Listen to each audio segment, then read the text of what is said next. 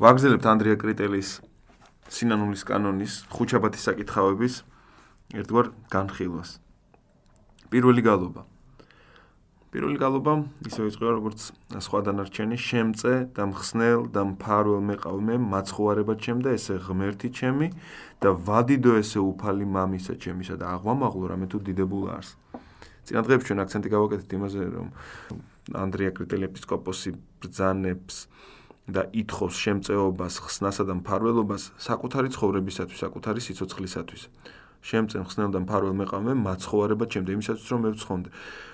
ანუ ღვთის შემწეობა ისი გამომხსნელობითი ეს ჩანაფიქრი და ღვთის მფარველობა კონკრეტული მიზნისკენ არის მიმართული კონკრეტული მიზნისკენ არის მიმართული. ადამიანის ცხოვრებისათვის ადამიანის სიცოცხლისათვის ადამიანის ნეტარებისათვის არის მიმართული და ესეც ზოგჯერ თუ დამეთანხმება ჩვენი მსმენელი ყურადღების მიღმა რჩება მორწმუნეს ან უბრალოდ ადამიანს.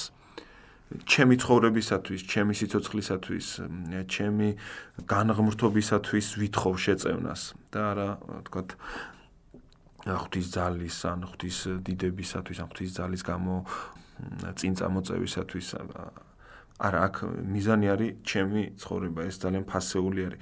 ყოველმა ჩვენგანმა საკუთარი სიცოცხლე საკმარისად უნდა დააფასოს.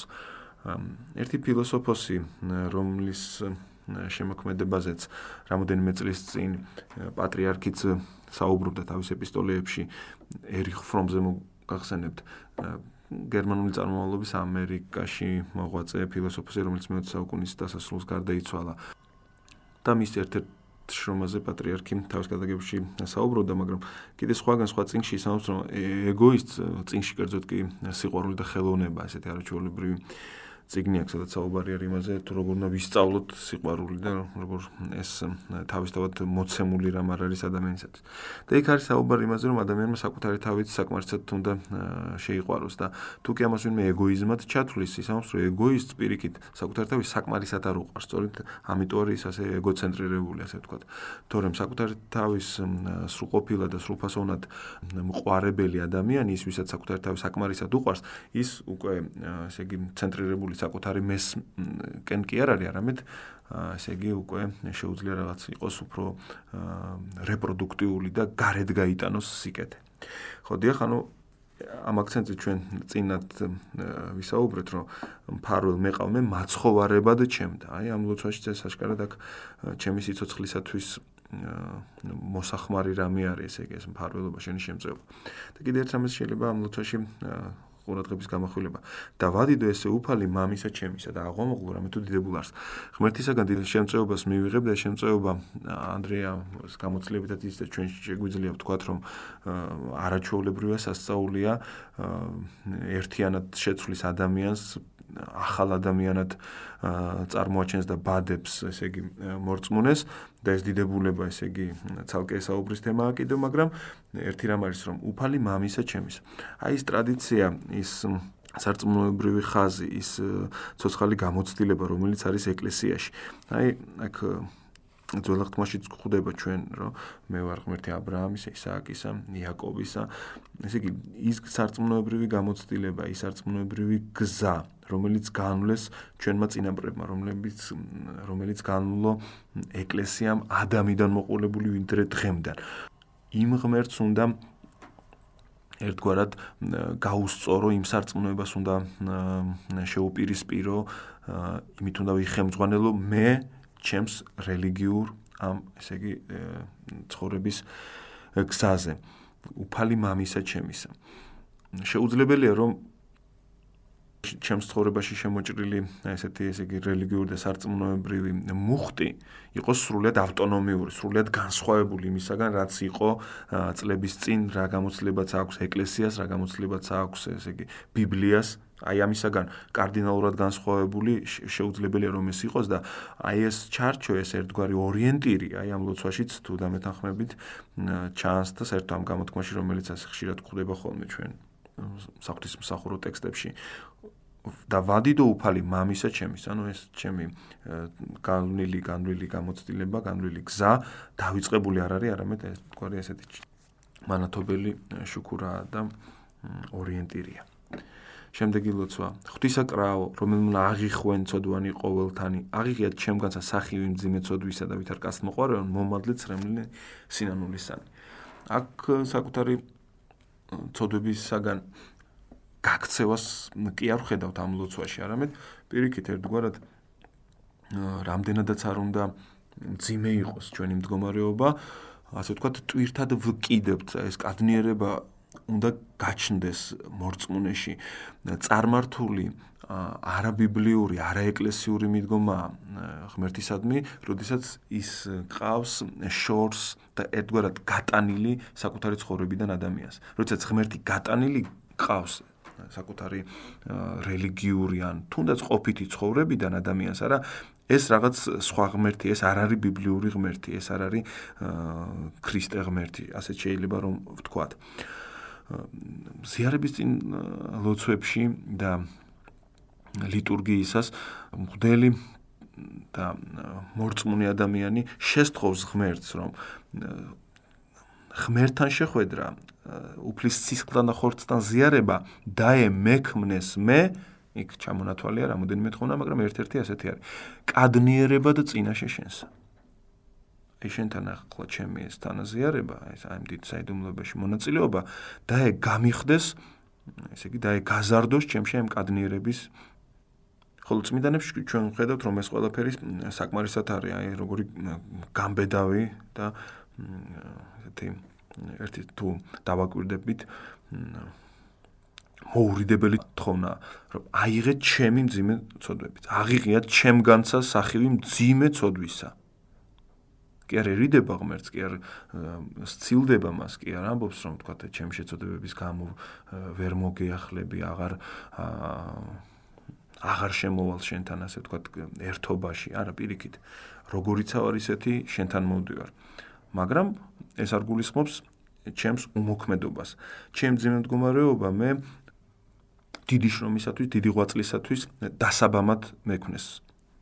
მომადლე მეცრემლის სინანულსან, ანუ ითხოვს შემდეგ სინანულის ცრემლს, რომელიც არ დატოვებს ადამიანს უმოქმედოდ. ადამიანი აუცილებლად ხავს რა უფლის შემწეობას გულწრფელად საკუთარ ცხოვრებაზე, საკუთარ სიცოცხლეზე პასუხის გებლობის ამღები ადამიანი აუცილებლად მოქმედებების ჩაებება. მაგრამ ეს დამოუკიდებლად შეუძლებელია თუ არ იქნა ღვთისმადლი და ღვთისშეწევნა, რომელსაც ამ ღვთისმადლით და ღვთისშეწევნას არ უნდა ერთგვარად თუ შეიძლება ასე ვთქვა, არ უნდა მოვერიდოთ, არამედ პირიქით მასში უნდა მთელი არსებით ჩავეფლოთ.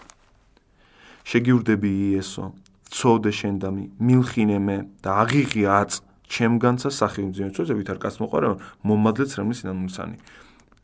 წინარ ლოცვაში ყო ღვთისაკრაო, რომ მანახონ ცოდნანის ოფისანი, შემდეგ ლოცვაში არის შეგიურდები მუხლებზე ვარ ესე იგი დავარდნილი და ვითხოვ რომ ჩემი წოდებიც აიღო და ჩემ წოდებზეც მაცხო მალამო ნუ შეხვალ სასჯელსა ჩემთან რომელსაც მაქვს საქმენი ბოროტნი და ნუცა გამოიძიებ სიტყვათა ჩემთან არამედ წარმართენ სვლანი ჩემნი სახიერებითა შენითა და შეურაცხყვენ ბოროტნი საქმენი ჩემი და მაცხოვნე მე ყოვლა ძლიერო მსჯავრში ერთგვარ სიტყვა პასუხში ერთგვარ პაექრობაში ღმერთთან შესვლა ადამიანისთვის სრულიად წამგებიანია.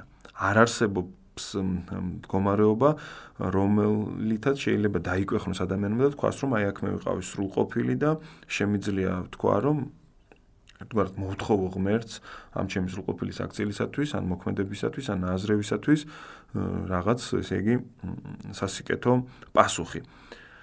პირიქით ამბობს, რომ არც კი შემოხვიდე ერთგვარ სასამართლოში ჩემთან, იმიტომ რომ ჩემი საქმე წინასწარვე ვიცი რომ უნუგეშოა, უიმედოა მე აუცილებლად წამგებიან პოზიციაზე აღმოჩნდები. უამრავი ბოროტება მაქვს. არც კი გამოიძიო ჩემი ნაზრევი, ნუცა გამოიძიებ სიტყვათა ჩემთან. თუ კი ყოველ ჩვენგანისათვის მონათესავია ეს ლოცვები და ამიტომაც დააწესა ეკლესიამ წასაკითხად. ნამდვილად რომ ჩაყვეს ადამიანი ღმერთი რომ გაყვეს ადამიანს ესე იგი მის ფიქრებში არა რომ ძალიან სამარცხუნო დღეში აღმოჩნდება ადამიანი. თავისი ესეთი ბოროტი განზრახვებით. მე არაფერს ვამბობ სხვა თქვა რაღაც ჩვენ წოდების რაღაც ხორციელ მხარეზე. ნუ გამოიძიებ სიტყვათა ჩემთ არამედ წარმართენ სვლანი ჩემნი სახიერებითა შენითა და შეურაცხყვენ ბოროტნი საქმენი. და მაცხოვნე მე ყოვლად ძლიერო შემდეგი ლოცვა. სინანომისა ჟამსა შეგიურდები შენ შემოქმეცა ჩემსა, აღიღიათ ჩემგანცა სახე იმძიმე ცუდვისა და ვითარცა კაცთ მოყარეონ მომმადლე ცრემლი სინანომისანი. კვლავ იგივე ტონალობაში, ესე ცულიერ ტონალობაში გრძელდება ამ შემთხვევაშიც ეს ლოცვა. სიმდიდრე ჩემი ქრისტე უძღებებაშინა წარვაგე და ოხერო იქმენ კეთილთა ნაყოფთაგან და აწ მომყმარი ხმობ მამაო მოწყალებათო ისტრაფა და მაცხოვნე. რა სიმდიდრეზე ლაპარაკი ჩვენ ამაზე წინასაუბრებშიც ვისაუბრეთ. ადამიანის სული ადამიანის ფიზიკური პოტენციალი განუზომელია. ან ბევრი რამ აუთვისებელია და რაც კი აითვის ადამიანმა თავის შესაძლებლობების ფარგლებში ისიც კი გაოცებას და გაკვირვებას იწვევს ჩვენგან არა და ეს სიმდიდრე გაცილებით მეტი შეიძლება ყოფილიყო განუზომლად მეტი უნდა ყოფილიყო.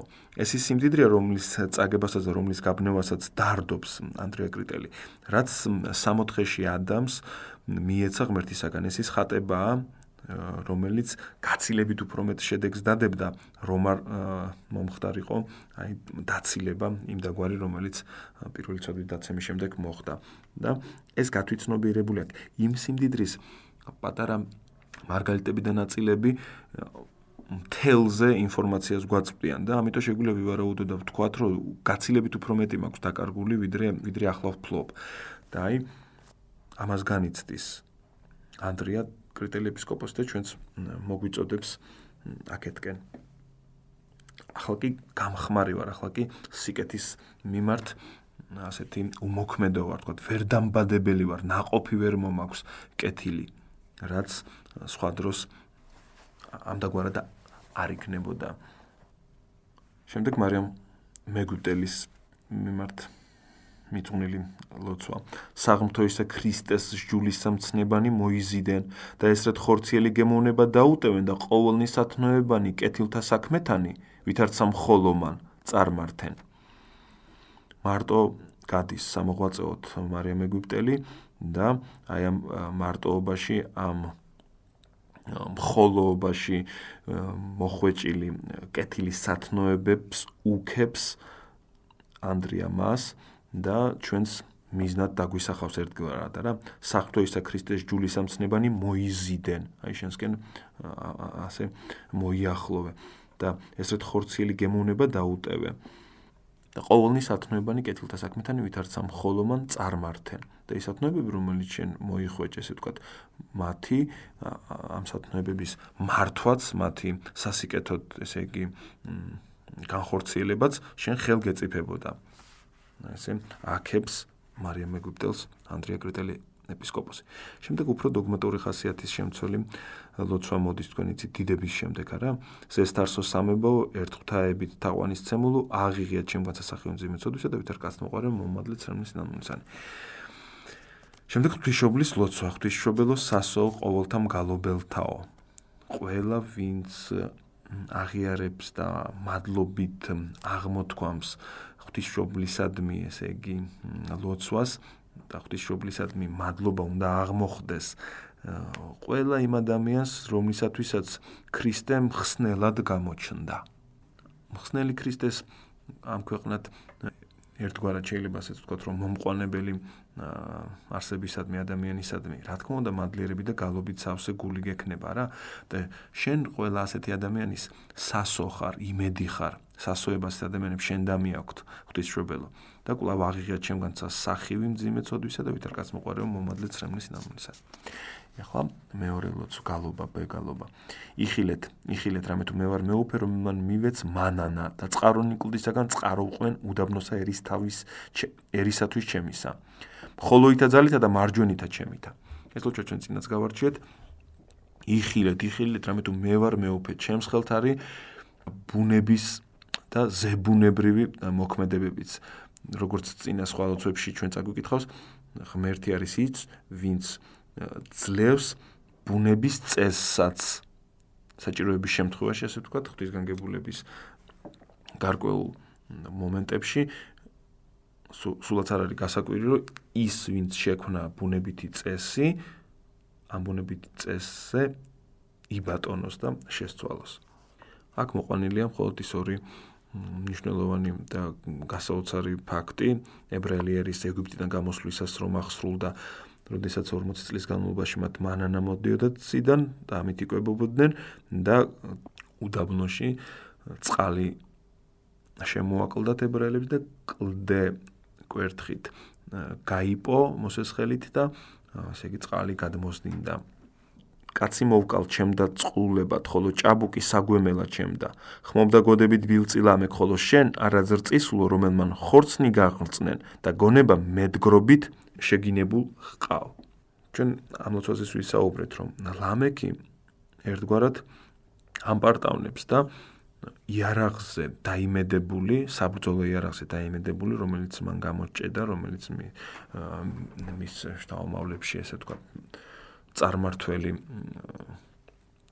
რამ იყო, აი ამ ძალადობას ერთგვარს, არა, გიმს, ჰიმს მიუძღვნის და თავის ცოლების წინაშე თავს იწონებს და ამბობს, რომ მე შემიძლია მას შემდეგ რაც ესე იგი იარაღს ფლობ, არა, მე შემიძლია ესე იგი მოხუციც და ჭაბუკიც დავამარცხო და მოვკლა.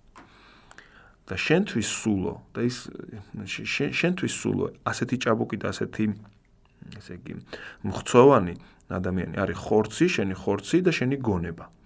ალბათ სავარაუდოდ მაინც ხორცი ესეთი პარალელი რომ გავალოთ, შეგვიძლია მოხუც შევადაროთ, ხოლო გონება კი ჭაბუკს, როგორც მარად ესეთი ცოცხალი და მარად რაღაცის დამბადებელი და აქტიური საწყისი ადამიანის ბუნებაში.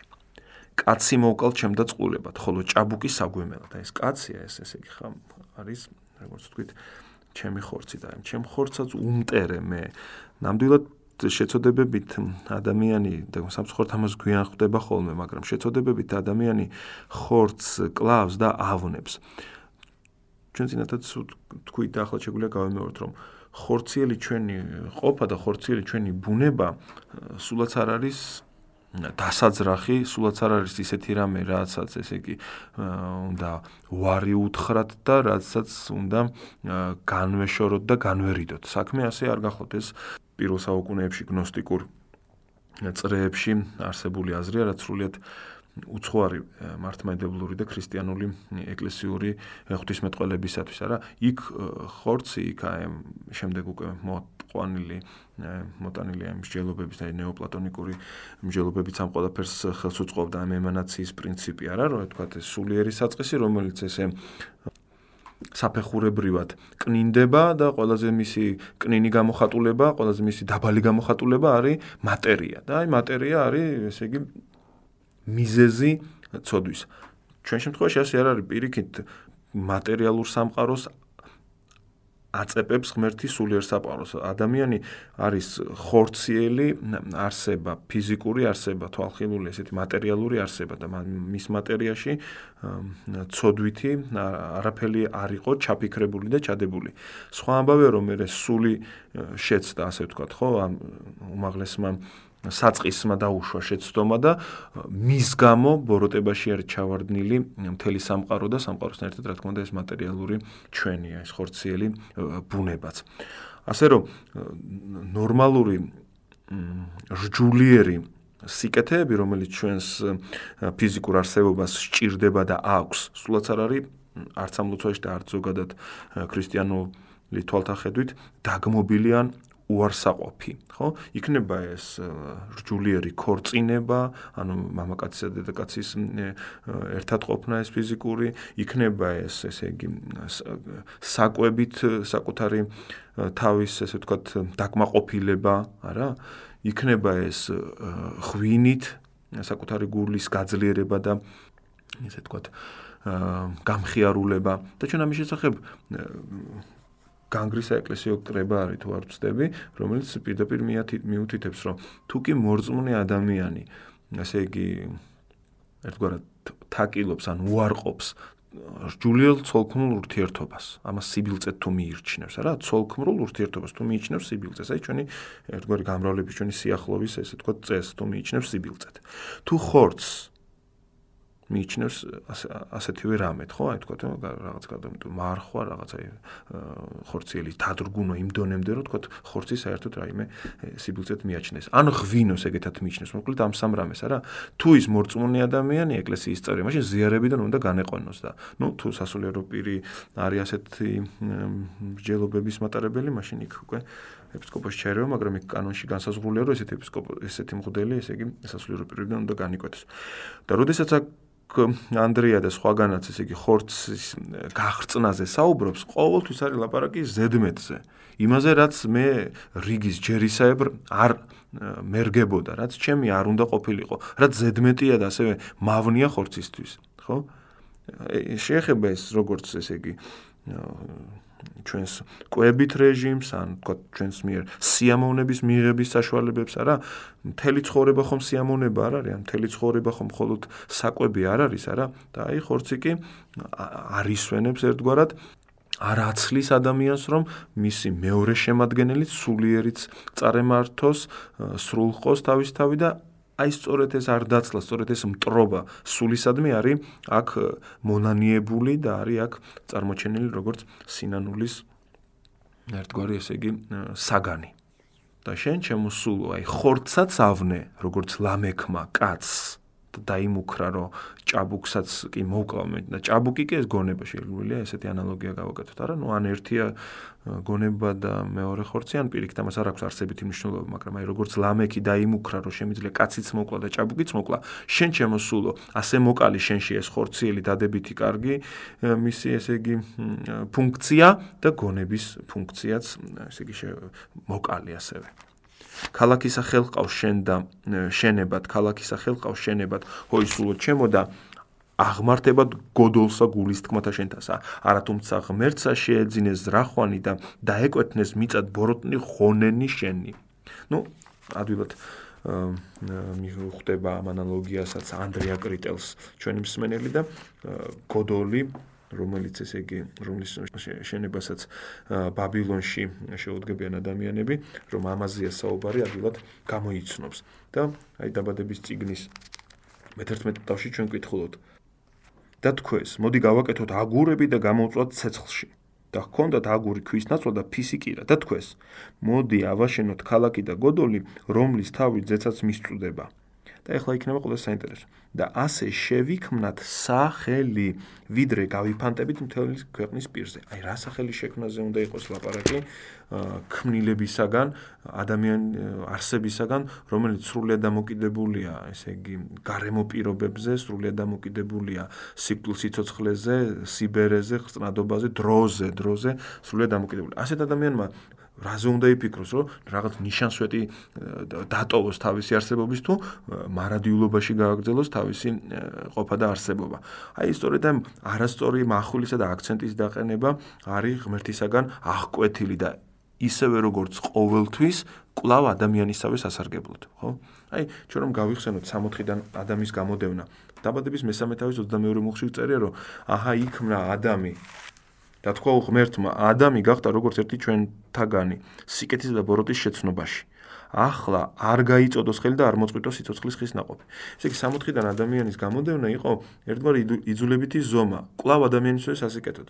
იმიტომ რომ ერთი ეგ წუხს რომ აიმე ახლა არ მივიდეს და სიცოცხლის ხის ناყოფი არ მოწყვიტოს, რომ არ გახდეს უკვდავი. წარმოიდგინეთ უკვდავად ცოდვილი ადამიანი. ცოდვაში ამ დაპირისპირებაში ამ ძიებაში მარადიულად დარჩენილი ადამიანის ხო ტრაგედია და ტრაგედია იქნებოდა. მოკლედ როგორც 64-დან გამოდენის შემთხვევაში, როგორც წარღვნის შემთხვევაში, როგორც ბაბილონის კედლის აი ახლა ჩვენ რასაც ვსაუბრობთ, შემთხვევაში ღმერთისაგან ასეთი ბრჭყალებში რომ იხაროთ უხეში ჩარევა, მიმართულია კლავ ადამიანისთვის ასიკეთოთ, რომ ადამიანმა შეცვალოს თავისი სულის განვითარების ვექტორი. და შენც ასე ჩემოსულო, მოინდომე, ამბობს ანდრია კრიტელი, დაიწყე ქალაქის შენება გულის თქმებისაგან. და ღმერთს რომ არ მოეფიქრებინა ამ გოდლის და ესე იგი დარღვევა, არა თუმცა ღმერთსა შეეძინეს რახვანი და დაეკვეთნეს მიწად ბოროტნი ღონენი შენ. შენ ამ გოდლს ააშენებდი. შენ ააშენებდი შენი გულის თქმების ერთგვარ ასეთ ნიშანს ვეთს, რაც სრულიად გამოუსადეგარი რამ იქნებოდა მარადიულობის კონტექსტში. და მადლობა ღმერთს, ესე გამოლოცვაში არის სამადლობელო, მადლობა ღმერთს, რომ ღმერთი ჩაერია მას და დახსნა ეს გულის თქმების, ესე იგი კოდოლი. ჰოი, ვითარ ვებაძო პირველსა ლამექს მკვლელობით ამით, რამე თუ სული ვითარცა კაცი და გონება ვითარცა ჭაბუკი. ხოლო ვითარცა ძმისა ჩემისა ხორცნი მოკლენ, ვითარცა კაენ მკვლელმან, გემოთ მოყარებითა და უკრძალულობით. ჩემთვის ძალიან ძალიან ხაზგასასმელი და მნიშვნელოვანია ის რომ ახლა ლამექის მიერ კაცისა და ჭაბუკის მოკლა ანდრია კრიტელმა ეპისკოპოსმა შეადარა სულისა და გონების მკვლელობას. მაგრამ აქვე თითქოს გაფრთხილდა რა, რომ მორწმუნეს არ უგულვებელს ხო საკუთარი ხორცი შემოიტანა სხვა პარალელური, ესე იგი, ესეთი ანალოგიაც, ხო? სხვა მაგალითიც. ხორცი არ დატოვა ამავე სალგოლობაში აუცილებლად თქვა, ხოლო ვითარცა ძმისა ჩემისა ხორცნი მოუკლენ. ხო? კაენმა თავისი ხორცი, თავისი და ხორცი მოკლა. აი ასე მოკალი მეც ჩემი ძმა, ჩემი მეგობარი, ჩემი თანაშემწე, ის რაშიც მკვიდრობს ჩემი სული, ჩემი გონება რაშიც ისიც მოკალი. მოკლედ, ჩვენი ეს ფიზიკური ხორციელი არსებობა ყოველთვის ღირსეული პატივით არის ანდრია კრიტელის და ზოგადად ეკლესიური სწავლების მიერ ყოველთვის ღირსეულად პატივით არის შემკობილი და ღირსეული ადგილი უჭირავს. ლაპარაკია ყოველთვის როცა ხორციელ ნებებზე ლაპარაკი იმაზე რაც გვნებს და რაც მოცემულზე მეტია, რაც ზედმეტია, რაც გამოუსადეგარია მისთვის. აწვიმაოდეს მე ღმერთთან უფლისა მიერ ცეცხლი და ბილწაბათათვის რისხვით დაწუნა სოდომნი, ხოლო შენ სულო ცეცხლი გენის ახაგზენ, რომელსაშინა გეგულების დაწვა. ესე იგი სულში აბობს ანდრია კრიტელია რა სულო შენ თვითონ გააჩინე ის ცეცხლი და ის წვიმა ცეცხლოვანი რომელიც ღმერთმა აწვიმა სიბილწისათვის ესე იგი სოდომსა და გომორს და ამიტომ საკუთარი სულიერ მდგომარეობას ასე აფასებს ნანდრია. წყულ ვარ და განგმერილ რამე თუ განეწონნეს აწ ისარნი ბოროტისანი სულსა და ხორცთა ჩემთა. აჰა ნაგვემნი ბრძვილთა ჩემთანი რომელთათვის გიღაღადებ განკურნე ნებსით ნებანი ჩემი. ნებით ჩემი ნებით რაც ვავნე ჩემი ნებით რაც დავა იარე ჩემი სული აი ისინი განმიკურნე ევედრება ანდრია ღმერთს არა? ბრძვილ ნაგვემნი ბრძვილთა ჩემთან ნაბრძოლების შედეგად მიღებული ნაგვემები ამათვის გევედრები რაც მე შევებძოლე საკუთარ თავს და დავმარცხდი და აი ამ უკეთურმა ცოდვილ ცოდვითმა მიმართებამ საკუთარ მეში მომაყენა ზიანი და ესე იგი წყლულები ამ წუთის სოფელთან შებმულმა რამდენი მარცხი განვიცადე და ასევე ნაგვემი ვარ. ბოროტმა სულმა რა გვემაც მომაყენა. აი ეს განმიახლე ეს ხეული, განმიახლე ეს სული. ეს ვედრება არის გამოთქმული ამ ლოცვაში. ყავ მარიამ ეგვიპტელისადმი მიმძღვნილი ლოცვა. განიბრენ ხელნიშენი სახიერი სამიმართ ღვთისა მარიამ, რომელიც დანთქმული ყავ ბოროტს ამას უფსკულსა ღელვისასა და იტყოდი ვითარცა პეტრეს კაც მოყარი ხელი ეგეშენი საფრთო მიპყარა და ვიხსნე ყოველთა უნებათაგან.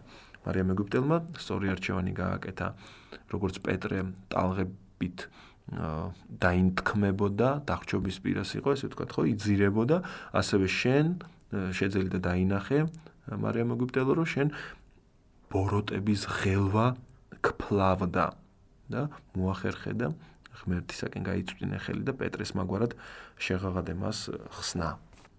ახლა დოგმატური სწავლების შემცველი ლოცვა. დაუსაბამო და აღუგებელო სამო. განუყოფელო ერთო. მონანულსა მომხედენ ცოდვილი მაცხონე რამე თუ შენი ვარ ქმნილი და ცეცხლისა ჩემისა დამსჯელისაგან მიხსენ. დასაბამი არა აქ ღმერთს. ის რაღაც მოვლენების შედეგი არ არის. ის არ არის სულიერ რაიმე ცალკეობების ერთგვარი ერთობა აღუგებელია შენებაში ჩვენი ადამიანური მიწიერი წარმოდგენით არ არსებობს ღმერთში. რატო არის ხაზგასასმელი? იმიტომ რომ ვამბობთ რომ სამია. ადამიანური მიწიერი საზომით, სადაც არის სამი, ეს სამი ერთმანეთთან რაღაცნაირად რაღაცნაირად კავშირშია რა, რაღაცნაირად აგებულია ის. და იყო დრო რომ ეს სამი ადამიანური თვალსაზრისით თუ კი რაიმეს ის ხედავს შეერთებულს, ის მიხვდება რომ ეს ვიღაცამ შეერთა, მანამდე ეს შეერთებული არ იყო. ან თქვა რაღაც კავშირში ერთმანეთთან არ იყო. აი ღმერთზე ასე ჩვენ ვერ ვიტყვით და აი სწორედ ეს მსჯელობა არის აქ წინა პლანზე გამოწეული რომ აღუგებელი. აი სამობა იქ არავის არ შეუქმნია რაღაც პერიოდის შემდეგ. ასეთია ღმერთი თავისი მოწყობით. და მისი ერთობა კი განუყოფელია. მისი ერთობა ეს ამ სამის ერთობა განუყოფელია. მონოლცა მომხედენ და შენი შენი შექმნილი ვარ შენი ქმნილი ვარ შენი შვილი ვარ და ერთგვარი ეს ისე კვლავ კადნიერება, რომელიც მართალი რომ თქვა, ყველა ლოცვაში ჩანს, ელემენტარულად მამაოჩვენოშიც კი ჩანს, როდესაც აი განსაკუთრებით მის ბოლო ნაწილში როდესაც ვამბობთ, რომ მიხსენ ჩვენ ბოროტისაგან რამე თუ შენიერ სულ სუფევა ძალიან და დიდება მამისა და ძმის სულის. ესე იგი, მიხსენ მე, იმიტომ რომ შენ გაქვს სუფევა, შენ სუფევ, შენ არსებობ, შენ გაქვს ერთგვარი მფლობელობა ყველაფერზე, ძალაც შენ აგაქვს და ამიტომ შენთან მოდივარ სახსნად და ეს ერთგვარი ესეთი თუგნებოდ ბრჭყალებს ჩავსვა და უტიფრობა, ესეთი კადნიერება, ესეთი მოთხოვნით მისვლა ღმერთთან, აი ძალიან დამახასიათებელია სწორი რელიგიური აზროვნებისათვის. ამის საპირისპიროდ ადამიანი თავის გარეთ აყენებს ღმერთს, იგი მისთვის არის ერთგვარი სათაყვანებელი, ერთგვარი სახურების მიმგები, აი მე ესე იგი არსება. ეხლა ღვთისმშობლისადმი ლოცვა. უხსნელო ქალწულო ღვთისა დედაო, სასო შენ და მიმოლტოვითაო და შემწეო ჩვენო. კაცთმოყარე შემოქმედი და ძეშენი დაატკბე ჩემზე და მეოხებითა შენითა. კაცთმოყარე შემოქმედია უფალი, ხაზგასმული ეს არა? შენი ძიარი ამასთანავე, ამიტომ დაატკბე ჩემზე და გვიშვამდგომლე. შემდეგი მესამე გალობა დაამტკიცო პოლოქტესაზე და მცნებათა შენთასა შერყეული გონება ჩემი რამე თუ ღმერთი მხოლო ძლიერ მართალ და წმინდა ხარ კლდეზე მყარ საფუძველზე დააშენე ჩემი გონება ჩემი მოაზრებები ჩემი შემეცნებითი ესეთი ასე ვთქვათ გნებოთ ვექტორი ხო დაამტკიცე რაღაც მყარზე ესეც უფლის ხელქვეითობაში ესეც უფლის ერთგვარი პრეროგატივაა ღმერთმა უნდა მოახდინოს ჩემი გონების დამტკიცება ესეთ კლდოვან საფუძველზე. მეგვიპტელს ამას აგარს ემსგავსე სულო დამონებითა ნებისათა და შევახალ ისმაილ რომელს თავხედობა მწარე. აგარის მოქმედებებში წინამორბი ამბობენ და ეკლესიის ისტორიაში, ეკლესიის ტრადიციაში ჩვენ აი ამ ისტორიული ესე იგი პერიოდის შესახებ როდესაც ვკითხულობ, ვარაუდობენ და გვთავაზობენ ასეთ აზრს, რომ აგარის მოქმედებებში მას შემდეგ რაც ისმაილი შეეძინა, იყო ერთგვარი თავხედობა და თავად ისმაილშიც. და სწორედ აი ეს მომენტი აქვს გამოყენებული ანდრიასაც სამლოცვაში, რომ მეგვიპტელს ამას აგარს ემთქოს სულ დამონებითა ნებისათა. საკუთარ ნებას რომ დაემონე, ამით ემსგავსები აგარი სარას მისი დედოფლის მორჩილებაშია. შენ ასევე დაემონე და დაემორჩილე შენ საკუთარ ნებას. და ამითი ვერაფერი სასიკეთო ვერ დაბადე. ამითი დაბადე ისმაილი, რომელიც არის ისეთივე თავხედობა, როგორც ის ის ისმაილი იყო სინამდვილეში და ასე აი ეს ანალოგია მოყავს ჩვენთვის ანდრია კრიტელს. ასე ასე ასე უარყოფითია საკუთარი ნებისადმი ნდობა და საკუთარი ნებისადმი მორჩილება. ადამიანი მარად უმჯობეს აღირჩევს წმინდას მიესწრაფვის. ასე არის ჩაფიქრებული. და სწორედ ეს რომ ვერ განახორციელა ანდრიამ ამას წუხს ღვთაებრივ წმინდანებას რომ ვერ პოულობს ადამიანი და ვერ ერთგულებს არამედ საკუთარს განახორციელებს ცხოვრებაში. სწორედ ამაზე გამოთქვამს, ესე იგი სინანულს. იაკობის კიბენი გასმიან სულო აღმართებულნი ქვეყანით ძეცსათა მიმართ. რადარა მიგაქვს შენცა კიბედ სათნო ცხოვრება. ამ კიბემ რომელიც როგორც თქვით იაკობმა იხილა როდესაც ის ესავისაგან გარბის არა დედამიწა შეერთა ზეცს. ადამიანი შეერთა ერთგვარად ღმერთს. აი ეს წარმოალდა მარადილ შორის გადო ესეთი ხიდი. და შენ რატო შენი სათნოებებით რატო არ გაზდებ ეგეთ კიბეს, რატო არ გინდა რომ მყარი კიბე ისეთი რამეა რაც გაქვს და ყოველთვის შეგიძლია ესე ვთქვათ მაღალზე ასასვლელად გამოიყენო. აი შენს შეკარი ეგეთი სათნოება და კიბე, რომელსაც შეძლებ რომ ესე იგი გამოიყენო და ესე იგი ღმერთამდე მათ მასზე ესე ერთგვარი ასვლით ესე იგი მიაღწიო. მეფესა მას და მღვდელსა ღვთისასა მარტო ქმნილსა სახესა ქრისტესა და დიდსა მელქისედეკს ემსგავსე ჯულიერა ცხოვრებითა ჰოი სულ. ხო ეს ძალიან მნიშვნელოვანი ადგილია და ამიტომ მოდით წავიკითხოთ დაბადების წიგნის მე-14 თავში რა წერია მეფე მელქისედეკზე და ვინ არის არჩეულებრივი პერსონაჟი ძველი აღთქმისა.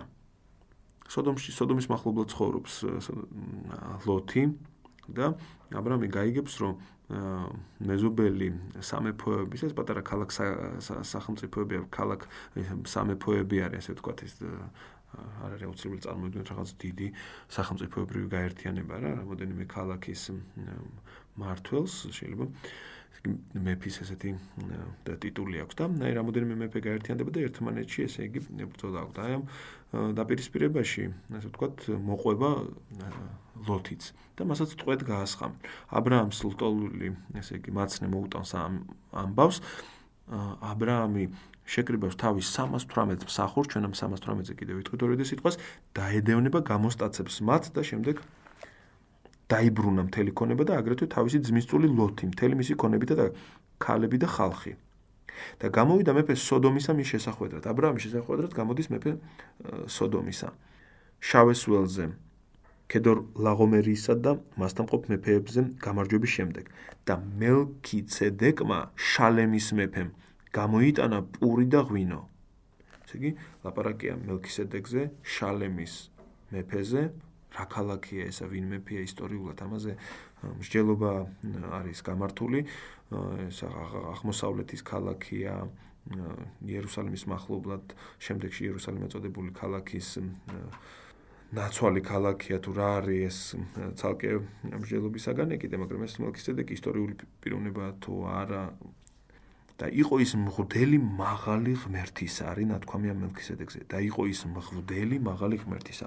და აკურთხა იგი და თქვა კურთხეულია აბრამი მაღალი ღმერთის ცისა და მიწის მეუფის მიერ და ეს მელქისედეკი აი ამ შალემის აღმოსავლეთის მზის ქალაქის ღმერთ ის მეფე რა რომელიც არის მღვდელი მაღალი ღმერთისა აკურთხებს და ლოცავს აბრაამს. კურთხეულია აბრამი მაღალი ღმერთის. ღმერთის ცისა და მიწის მეუფის მიერ. და კურთხეულია მაღალი ღმერთი, რომელმაც ხელში ჩაგიგდო შენი მტრები. დიდებული ის ღმერთი, რომელიც შენ შეგეწია და მისცა მას აბრაამა ყველაფრის მიათედი. ამ დალოცვის სანაცვლოდ აბრაამი მელქისედექს მიუძღვნის მიათედს. ჩვენ ვიცით, რომ შემდეგ იაკობის და შთამომავლებში ლევიანები დაინიშნებიან, ესე ვთქვათ, ტაძრის მსახურებად, ჯულის დამცველებად და მათაც ერთგვარი ესეთი სოციალური თანასწორობისათვის 11 დანარჩენი 11 ტომი მიათეთს მიუძღვნის სწორედ, ну, გასაგებია 12-ის შემთხვევაში მიათედი სწორედ ის საზომია, რომელთაც ეს სოციალური თანაფარდობა დაცული იქნებოდა, ხო? 11 რომ მიათეთს მიაგებს, გამოვიდა სწორედ აი 11 წილი გამოვიდოდა და ეს სხვა რაოდენობა რომ ყოფილიყო შვილების არა, მაშინ მიათედი არ იქნებოდა და სხვა წილი იქნებოდა. თუმცა ეს ყველაფერი ღვთის განგება არის, რომ აქაც მეათედს მიუძღვნის და შემდეგაც მეათედი იქნება დაკისრებული.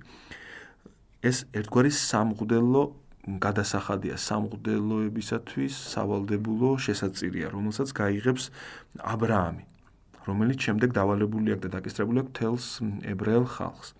და გამოდის, რომ აბრაამი, რომლის წიაღშიც, რომლის გენეტიკაშიც არის ლევი, არის აბრაამიდან ისაკი, ისაკიდან იაკობი, იაკობიდან э, ლევიანები და სხვა э, ებრა ესე იგი მამამთავრები, სხვა ესე იგი ებრაული э, გვარის და შტოს ესე იგი მამამთავრები ხო ეს ყველაფერი ჯერ აბრაამშია და ეს ყველაფერი ერთიანად არა ეს ლევიც ლევიანთა ტომიც ისე მეათეც უხდის ვიღაც სხვას მაღალი ღმერთის მღვდელს.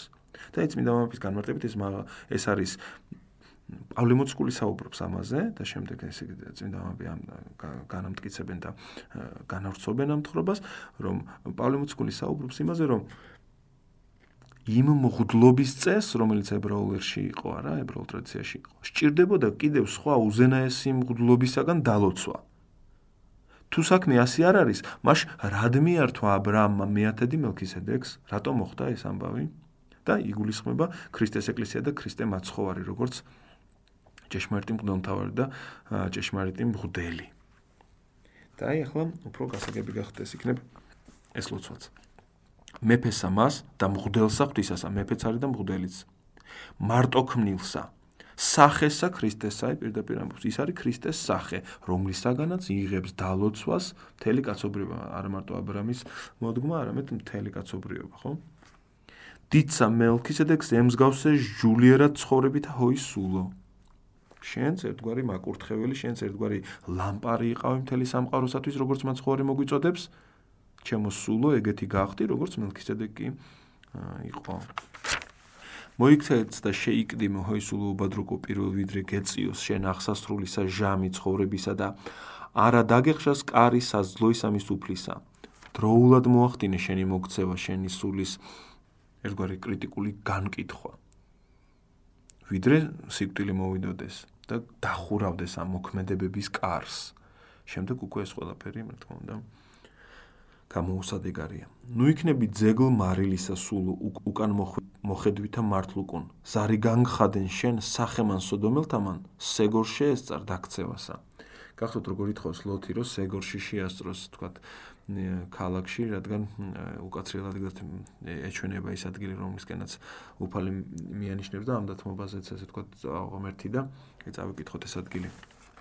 რადგან პოვა თქვენმა მსახურმა წყალობა შენს თვალში და დიდია შენი წყალობა, რომელიც მიიღეთ ჩემზე, ჩემი სულის გადასარჩენად, ვერ შევეფარები მთას. ასე უფალი უნდა რომ მთას შეეფარე. და ლუთი ამბობს რომ ვერ შევეფარები მთას. ვაი თუ გადავაწყდე უბედურებას და მოვკვდე. აჰა, ეს ქალაქი ახლოსაა გასაქცევა და თან პატარაც არის. იქ შევეფარებ თავს, რადგან ის პატარა და ცოცხალი გადავრჩები და უთხრა მას, უფალმა. ამაშიც გაპატიებდა არ დავამხობ ამ ქალაქს, რომელზეც თქვი. იჩქარე, თავი შეაბარე იქ, რადგან არაფრის ქმნა არ ძალმიც შენს იქ მისვლამდე და ამიტომ ეწოდა ამ ქალაქს ცოყარი, პატარა. და მოვიდა მზე ქვეყანაზე და ლოთიც მივიდა ცოყარს. და აწვიმა უფალმა ციდან გოგირდა ცეცხლუფლისაგან ციდან სოდომსა და გომორს. ესე იგი, როგორ აი ადამიანი ჩართული ამ ღვთის განგებულებაში ჩვენ აქ ხედავთ უფლის ნათქვამში, არა? ადამიანი განსაზღვრავს ხშირად იმას თუ რა უნდა იმოქმედოს ღმერთმა. აი როგორი საღმრთო თანატოლი პატივი აქვს ადამიანს. საიდან რატო შემიძლია ასე ვიმსჯელო? უფალი ეუნება იჩქარე თავის შეფერი იმქარ, რადგან არაფრის ქნა არ ძალმით შენს იქ მისვლამდე. სანამ შენ იმ ქალაქში არ შეხვალ, მე არაფრის მოქმედება არ შემიძლია, ხო? თუ შენ უნდა გადაგარჩინო და აი, შენ რო დააყოვნო და თქვა დროულად ვერ მიხვდი იმ ქალაქში, მეც უნდა გელოდო შენ, ესე იგი, აი, როგორი თანატოლი პატივითარი ადამიანია, თქვა რა და აი სამყაროს არსებობაში ჩაბმული. სამყაროში ღმერთი და ადამიანი ერთად მართავენ ამ ყველაფერს და ეს გასაკვირიც არ არის პრინციპში, იმიტომ რომ ღვთაებრივ რეალობაში ადამიანს არ შეაღწევა და რომ შეაღწევოს ბევრს ვერაფერს ვერც კი რა უნდა იმოქმედოს ადამიანმა ღვთაებრივში. ხოლო ადამიანურში მიწიერში კი, რადგან ღმერთმა ეს შექმნა მისთვის, აი ესეთ თავის ტოლად დაიყენა, თანამოქმედა, თანაშემწედ დაიყენა ადამიანი. დაამხო ეს ქალაქები და მთელი მათი შემოგარენ და ყოველი მკვიდრი ამ ქალაქისა და ყოველი მცენარე მიწისა და მოიხედა უკან მისმა ცოლმა და იქცა მარილის სვეტად. ლოთის ცოლზე ერთ ლაპარაკი და ანდრია კრიტელი ეპისკოპოსი კი გვეუბნება სულ შენ ნუ მიემსგავსები აი უკან მოხედვას ნუ მარილის სვეტს ნუ მიემსგავსები ნუ იქნები ძეგლ მარილისა სულ უკან ხედვით ამ მართლუკუნ ზარი განხადენ. შიში ზარი და დაგეცეს სულო იმის წარმოდგენისას რომ თუ კი უკან ძველი ცხოვრებისაკენ შენ კლავ გაიხედები ან თუ კი ერთგვარ ესეთი დანანება გექნება იმ ცოდვილი და არასრულყოფილი ესე იგი შენი მდგომარეობისადმი თუ კი ესეთი დანანები უკან გახედო რას ნიშნავს რომ მაინც გაინტერესებს ხო არ იყო იქ რაღაც არსებობისთვის ჩემი იმ მდგომარეობაში დარჩენისთვის რაღაც შანსი ხო ხო არ იყო ნეტა ნეტა იქნება არ არ იყო აუცილებელი თქვა ესეთი კარდინალური ცვლილებები და ესე დატოვება სახლის და გამოქცევა იქედან. იქნებ ეს ყველაფერი ხელიდან გამომსვლო და ესე თქვა ხო ესე ჩაიარა ესე პასუხის მოთხოვნის გარეშე. აი ამას ნიშნავს უკან მოხედო თორე განამ უბრალოდ უკან მოხედა დანაშაულია. ეს უკან მოხედა განასახიერებს სულის მდგომარეობას ამჟღავნებს ადამიანის სულის მდგომარეობას ამჟღავნებს. რომ ერთგვარად ესეთი იმედი აქვს რომ იქნება არც იყო საჭირო ამდენი თავგანწირვა და თავდადება. აი შენ სულ ასე არ მოიქცე და შიში დაგეცეს იმ შედეგით, რა შედეგით დაატყდა თავს უკან მომხედავს და საერთოდაც რაც კი დაემართა იმ ყველაფერს, რაც იყო შენს უკან. იმ ყველაფერსაც შენს უკან იყო წვიმა მაწვიმა, ცეცხლოვანა წვიმა მაწვიმა და დასწვა ის ყველაფერი. ვედრები სამის შენ და მიმ გალობელთა ნუ გარე მიმაქცევ მეუფეო არამედ შეგვიწყალენ კაც მოყარი და მოგვეც მთხოველთა ამათ სარწმუნოებით ცოდვათა მოტევება ვედრები სამის შენ და მიმ გალობელთა ნუ გარე მიგვაქცევ. ну გასაგები არის ეს ლოცვა რომ პასუხზელის ადამიანი აუცილებლად გვაგრძნობინე გაგვაგონე პასუხი. უგულებელს ყოფა და გარემიქცევა ნიშნავს უპასუხო დატოებას ადამიანს. აი რომ თქვა რაღაც მნიშვნელოვან საქმეზე თუ მივა ადამიანი და მას უბრალოდ აი კარში გაისტუმრებენ და პასუხს არ მისცემენ.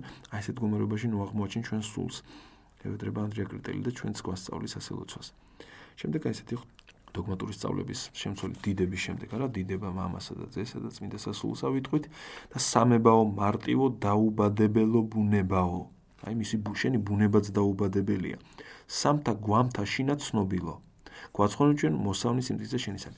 ვიღაცა შეიძლება მოიჩვენოს და ერთ იგივე აზრი ესე იგი მეორდება. არ არის მთლად ასე. ერთ იგივე აზრი არ მეორდება და ძალიან მდიდარია და ესეთი ამოუწურავია ღმერთის შემეცნების და ღვთაებრივი ბუნების აჭურეტა.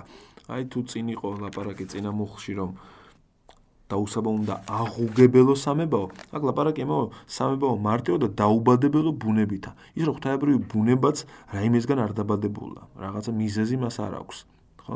სამთა გვამთაშინა ცნობილო. როგორ გიცნობ ჩვენ როგორ როგორ მოხდა შენი ასე ვთქვათ დაფიქსირება ჩვენს ჩვენს პიროვნებაში ჩვენს ჩვენს მეში ხო? სამი სახით სამი სამი სამი სამპირობით არა გვაცხონენ ჩვენ მოსავნის სიმტკიცისა შენისანი ჩვენ დაიმედებული და მტკიცეს ასოება გვაქვს რომ შენი ეს ბუნება შენი ერთობა შენი სამ გვამოვნება არის ყოველი გარეგნული მოქმედებებისაგან დაცული. აი ამის მორწმ ამის მოწამეები ვარ ჩვენ ამას მოწმობ ამის მოსავნი ვართ ჩვენ და გვაცხოვნ. ეხა ღვთისმშობლისადმი მიწყვნილი. მამისაგან უჟამო ძე ჟამიერად შევ ღვთისმშობელო თვინი ერთესლისა, ეჰა უცხო საკვირველი, ქალწულად გია მაწუნებელი. ჩვენ ამ უხდეს სხვა დროსაც ვილაპარაკეთ. მამისაგან უჟამოდ ძე, ჟამიერად შევ. ძეობა მამისაგან ძეს შობილობა არის უჟამო ეს დროსა და ადგილზე არ არის დამოკიდებული რა, ხოლო მაცხოვარი კი დროში იშვა და კონკრეტულ პერიოდში იშვა.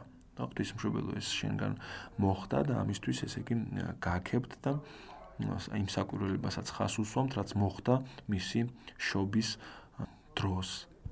შემდეგი გალობა. ესმა წინასწარმეტყველსა სმენა მოსვლისა შენისა და შეეშინავით არმეთ შობათ ხარ ქალწულისაგან და სახილულ კაცთა მიერ და ხმობდა უფალო მესმა სმენა შენი და შემეშინა დიდება ძალსა შენსა. ესაა წინასწარმეტყველზე ალაპარაკი, როდესაც ის წინასწარმეტყველებს რომ მოვა, ესე იგი, ქალწულისაგან იშვება ძე, რომელიც იქნება ხსნა არა მარტო ებრაელებისათვის იმ კონკრეტულ ისტორიულ მომენტში ზოგჯერ ამ ესე იგი წინასწარმეტყველებას აქას მეფის მიმართ არა ძალიან კონკრეტულ ისტორიულ პერიოდს მიაწერენ და ფიქრობენ რომ თქო თითქოს ესაა წინასწარმეტყველები და იმაზე რომ ვაჟიშვილი შეეძინებოდა მეფეს და ის მოუპოვებდა ხსნას. და რაც არ არის მართებული მსჯელობა და უნდა სწორედ ღვთის სულით ბიბლიის წაკითხვა იმას გულისხმობს რომ შენ შეძლო შეძლებ ამოიკითხო ესა ეწინასწარმეტყველში აი ეს მარადიული მარადიული ღმერთის განკაცების ეს წინასწარმეტყველება მის მის ნათქვამში. და ის ამბობს რომ როდესაც მე გავიგონე რომ ქალწული მიუდგება და შობს შემეშინდა ძლიერ ეს მე გავიგონე და მივიღე ეს პირველი გამოცხადება რა მისი წინასწარმეტყველება მისი გამორჩეულობა ამ წინასწარმეტყველებით არ იწება ამიტომ მან იცის რომ ის სიტყვა ის ინფორმაცია რომელიც მას მოსდის არა არის ჭეშმარიტი ღვთისაგან სამყარო შემოქმედი ღმერთისაგან და ასეთი უცხო რამ რომ გაიგონა კი შემეშინდა მაგრამ დავიწყე დიდება შენი ძალისა. ცირე ჟამი ცხოვრებისა ჩემისა და ახსავსე სიბოროტითა. არამედ სინანულა ჩემი წყნარი და მეცნიერებად აღმომიწოდე. თუმცა ვიქნები საცხოვარ შესაძლო მხეც და მოსავი შენი მაცხოვარ ცირე ჟამია ჩემი ცხოვრების რა არის 80 წელი ადამიანისა და აქ შენ ჩვენ შეგვიძლია გავიხსენოთ როგორ უპასუხა იაკობმა ფარაონს როდესაც ის შეხვდება მას იოსები რომ ჩაიყვანს ეგვიპტეში და უთხრა ფარაონმა იაკობს, რამდენი შენი სიცოცხლის წელთა დღეები? და უთხრა იაკობმა ფარაონს, ჩემი ხიზნობის წელთა დღეები 130 წელს ითვლის. მოკლე და ავი იყო ჩემი სიცოცხლის წელთა დღენი და ვერ მიაღწიეს მათ ჩემი მამების წელთა დღეებს ხიზნობაში რომ გაატარეს. ესე იგი, აი ეს ხიზნობა, რომელზეც ის ამბობს, ლაპარაკობს იაკობი, არის ერთ ამ ქვეყანაში სტუმრობის და ამ ქვეყანაში უცხოობის აა შინაარსის შემცველიც. ხო? იმიტომ რომ იაკობი არ ყოფილა, ასე იგი, ხიზნობაში 120 წელი. ის მკვიდრობდა თავის გარკვეულ პერიოდში თავის მამაპაპისეულ ესე იგი საცხოვრებელ ადგილას. ასე რომ ვინმე რომ ეს ნათქვამი პირდაპირ მნიშვნელობით მიიღოს, არ იქნება მართალი. ну, თქვა, ლაბანთან არის რაღაც პერიოდი, მაგრამ მე ხომ ბრუნდება, არა?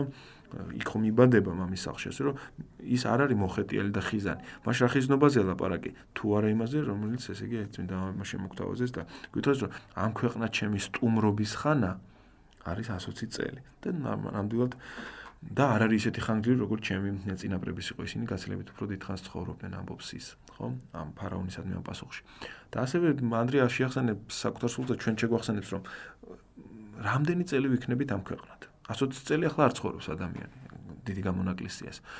და როგორც თვალში ნათქვამი 70 წელი და თუ კი უფრო მეტი, თუ კი ძლიერი ხარ 80 წელი და თუ 80 წელზე მეტი იქნა, მაშინ ეს უკვე მეტი შრომა და შრომა და სალმობა ტკივილი არის ხოლმე 80 წლის მერე თორე არაფერი თქვა სასიკეთო ასე რომ თქვა ხო და თუნდაც 90 იყოს და 120 მაინც ხომ შემოსაზღვრული და შემოფარგლულია რა ეს დრო ეს ხომ არ არის უსასრულობა ეს ხომ არ არის რაღაც ისეთი სანუგეშო სიტყვა ხო? აი ამას შეახსენებს ანდრია როგორც გითხარით საკუთარ სულს და ჩვენს ცირი არჟამი ჩემისა ცხოვრებისა და ახსავს ეს სიბოროტით. არამედ სინანულად შემიწყნარე და მეცნიერებად აღმომიწოდე დამიძახე აღმომიწოდე ამ უმეცრებიდან ამომიყვანე და დამანახე რა არის ჩემი დანიშნულება ამ ცხოვრებაში რა არის საერთოდ სიცოცხლე რა არის სიკეთე და ბოროტება პრინციპში ადამიანს ეს სამი საკითხი აქვს ესე იგი შესასწავლი რა არის სიცოცხლე ხო? აი, სიცოცხლის ხე იყო 60-ში პირველი სიცოცხლის ხე არის. და შემდეგ არის ხე ცნობადისა, კეთილისა და ბოროტისა. სიკეთის და ბოროტების შეცნობის ხე, ხო? არავითარ ვაშლის ხეზე კლაპარაკი არ არის. მე მახსოვს ჩვენ თქვით თუ არა ამის შესახებ, რომ ნეტარმა იერონიმემ რომ თარგმნა ლათინურად, ლათინურში უბრალოდ ომონიმია ესეთი, რომელიც ვაშლსა და ბოროტებას ერთი სიტყვით გამოხატავს, ხო? malum ლათინურად არის ვაშლიც და ბოროტება. ზოგადად ის თარგმნიდა რა თქმა უნდა ლათინი მკითხველი ლათინურ ენაზე წამკითხველი ბიბლიას ნახავდა რომ იქ იყო ხე მისი მისი წაკითხვით ესეთი რამ იქნებოდა. იქ სამთხეში იყო ხე, ვაშლისა და სიკეთისა. ან ბოროტებისა და სიკეთის შეცნობისა, რა თქმა უნდა, მაგრამ ვაშლის ანალოგია იქ ესე ბუნებრივად შემოვიდოდა მის ცნობიერებაში, არა, იმიტომ რომ ის ომონიმია, ის ვაშლსაც ნიშნავდა ბოროტება ლათინურად, ხო? ხო და აი, მოკლედ ადამიანს ეს სამი უმთავრესი კითხვა აქვს ალბათ ცხოვრებაში გადასაწყვეტი. რა არის სიცოცხლე? საერთოდ აი მისი არსებობა რა არის ეს? როგორი როგორი თვისებისა, როგორი ხასიათისა, ну, ამ თემაზე დაფიქრებიდან დაიბადება, რა თქმა უნდა, შემდეგი პასუხებიც, რომ ჩემი სიცოცხლე რა არის, ჩემი ჩემი ამ ქვეყნად მოსვლის დანიშნულება რა არის. როცა იცი ზოგადად სიცოცხლე რა არის, მე იმ სიცოცხლეში შენს თავსაც წარმოიდგენ და მიხვდები, ხო? მოკლედ აი სიცოცხლის გაგება, სიცოცხლის გაგება არის ადამიანისთვის ერთი პირველი საკითხი, შეიძლება ასეც ვთქვა და აღმომიყვანე, აი ამის უმეცარი ვარ მე და მეცნიერებად აღმომიწოდე. თუ ღმერთმა არ გვიძახა და თუ ღმერთმა არ ამოგზიდა აქეთკენ საკუთარი სვლით ადამიანი, ну, სადამდე მივალ კიდე საკითხავია და ჩვენ ხედავთ რამდენი რამდენად განსხვავებული და ზოგჯერ მიუღებელი სოფლ აღქმა და ესეთი შემეცნებითი და მოდელები არსებობს სამყაროში, ხო? თუ კი თავად ღმერთი არ გამოგვაცხადა, თუ კი თავად ღმერთმა არ გვითხრა მის შესახებ ადამიანი თავისი ძალით უძლურია ამ საკითხის გადაჭრისათვის, ხო?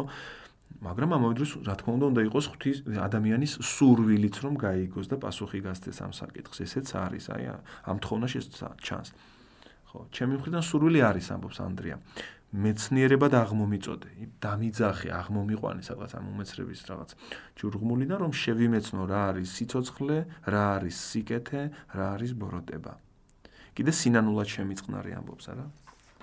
მეფობისა პატივითა და გვირგვინითა და პორფირითა შემკული, პოვნიერი და მართალი კაცი, სამწყსო მრავალი და გამდიდრებული სიმდიდრისა დიდებისა და მეფობისაგან გლახაკ და უღონო ვარ. ესე იგი ჯერ შეაქვა იობი უნდა გულისხმოთ, უნდა ვიგულისხმოთ ამ ადამიანში, რომელსაც მეფობამდე თითქმის მეფი მეფის მაგვარი პატივი ჰქონდა და გვირგვინითა და პორფირითა შემკული იყო, არა? ყველაფერი რაც მას დაამშვენებდა, რაც ერთგვარ გვირგვინს დაადებდა მის ცხოვრებას, ეს ყველაფერი ჰქონდა და პორფირი ძვირფასი ასე ვთქვათ, შლეიფიც, თუ შეიძლება ესე ვთქვათ, მის ცხოვრებას თან ზდევდა იობს, ხო? მართალი კაციც იყო თან. სამწყსო მრავალი, გამდიდრებული სიმდიდრისა დიდებისა და მეფობისაგან, ხო? დიდებით დიდარი. მისი დიდება არ იყო ლოკალური პატარა, ასე ვთქვათ, დიდი იყო მისი დიდება, ხო? მართალი კაცი იყო. და როგორც ის დაგლახაკდა და უღონო იქნა, ეგრე გამოჩდი მეც არის ის გახდა უღონო და ესე იგი გლახაკი. და ეხა გააგრძელებს ამაზე ალბათ საუბარს ანდრია. უბრალო თუ იყო იგი და მართალ უფრო ის ყოველთა და ვერა განერა მაცტურისა საფრხეთა და ღონეთა, თუ კი ის უბრალო იყო და მართალი კაცი არა და ვერ გადარჩა ამ ესე იგი ბოროტის ერთგვარ ესე შურს შენ ცოდვის მოყარეო, უბადრუკო სულო, რა ხო მოულოდებელი თუ რაიმე განსაცდელი შეგემთხვიოს. მართალი ღვთისაგან განდიდებული და გაძლიერებული ადამიანი თუ ვერ უძლებს ბოროტის ამ შურს, შენ ცოდვის მოყარულო სულო, რისი იმედი გააქვს? ერთგვარად ესე აი შეიძლება ეს აფრთხილებს, იცით, აი შიში ნორმალურია, შიში კარგი განცდა ადამიანისათვის, ოღონდ სასიკეთო და სწორი მიზნით გამოყენებული, ასე ვთქვათ, ხო? თუ კი მე ვიცი რომ რაღაც მოქმედებები საფრთხეს შეიცავს, მე შიში მაქვს ამ მოქმედებების და ამდაგვარად გადავრჩები ძიმე შედეგს. ხო? ამ გაგებით შიში ძალიან ნორმალური და სასიკეთო ესეთი ინსტინქტური ძალიან კარგი რამ არის ჩვენს ბუნებაში ჩადებული. და აი ამ ამ შიშს ერთგვარად აცოცხლებს ანდრია ამ ლოცვით. თავხედვარ უგუნურებით და ამაო და ცუდად მზვაობარ გულითა, არამედ ნუ ფარისეულებრ დამსჯი უფრო ძღა მეზვერისამის სიმდაბლე მომეც მოწყალეო და მართლმსაჯულო უპაო და მისთანა შემრაცხე. ეს გასაგები ანალოგია, როდესაც მეზვერი და ფარისეველი შევლენ სალოცავად, მე ისე ნუ დამსჯი, ჩემი ლოცვა ისეთი ნუ იქნება, ჩემი ლოცვის შედეგი ესე ვთქვათ. უფრო ნუ იქნება ისეთი როგორც იყო ფარისევლისა. ახლა ჩვენ შეგვიძლია რამოდენიმე ლოცვა თუ უფლებას მოვცეთ გამოტოვ და გადავიდეთ ხოლმე ისეთ ლოცვაზე, რომელიც ესე იგი უფრო მოითხოვს განმარტებას. და ასეთად მე მიმაჩნია უკვე მეშვიდე ლოცვაში ერთი მუხლი.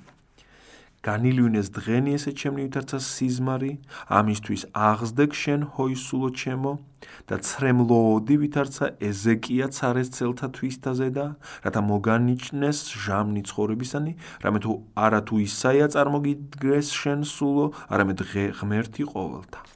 ეზეკიელს ღვთის სიტყვა აუწყა ესე წინასწარმეტყველმა. ხოლო შენ ჩემო სულო სიცოცხლის სიტყვებს გაუწყებს თავად ყოვლის მყრობელი ღმერთი ყოველთა ღმერთი. ამიტომ ეს მომენტი შენთვის ერთგვარი მანუგეშებელი იყოს ეს ერთის მხრივ. მაგრამ მეორეს მხრივ შენ დადე ისეთი სინანული ისეთი ცრემლი როგორიც წარმოაჩინა ეზეკიამ როდესაც მან გაიგო რომ მისი ცხოვრების დღეები იყო დათვლილი და რამოდენიმე დღეში გარდაიცვლებოდა. და ის შეევედრება სინანულს გამოთქვამს აი თავისი ერთგვარი ცირეოდენი გადაცდომისათვის სინანულს გამოთქვამს დიდს და მიიღებს ღმერთისაგან ესე იგი შენდობას და კიდე 15 წელი იცხოვრებს.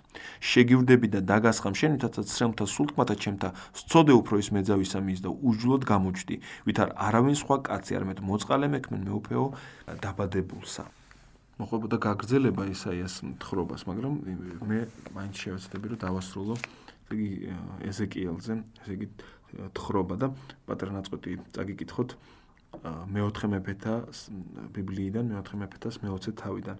იმ ხანებში სასიკვდილო დასნეულდა ეზეკია და მივიდა მასთან ესაია ამოციზე წინასწარმეტყველი და უთხრა: ასე ამბობს უფალი: ანდერძი და უტოვე შენ სახლს, რადგან კუდები და ვერ გადარჩები. კედლისაკენ მიაბრუნა პირი და შეევედრა უფალს. ეზეკია: უფალო, გაიხსენე წრფელი გულით რომ დავდიოდი. შენს წინაშე. კეთილად რომ ვიქცეოდი შენს თვალში და მწარედ ატირდა ხის კიჰაუ.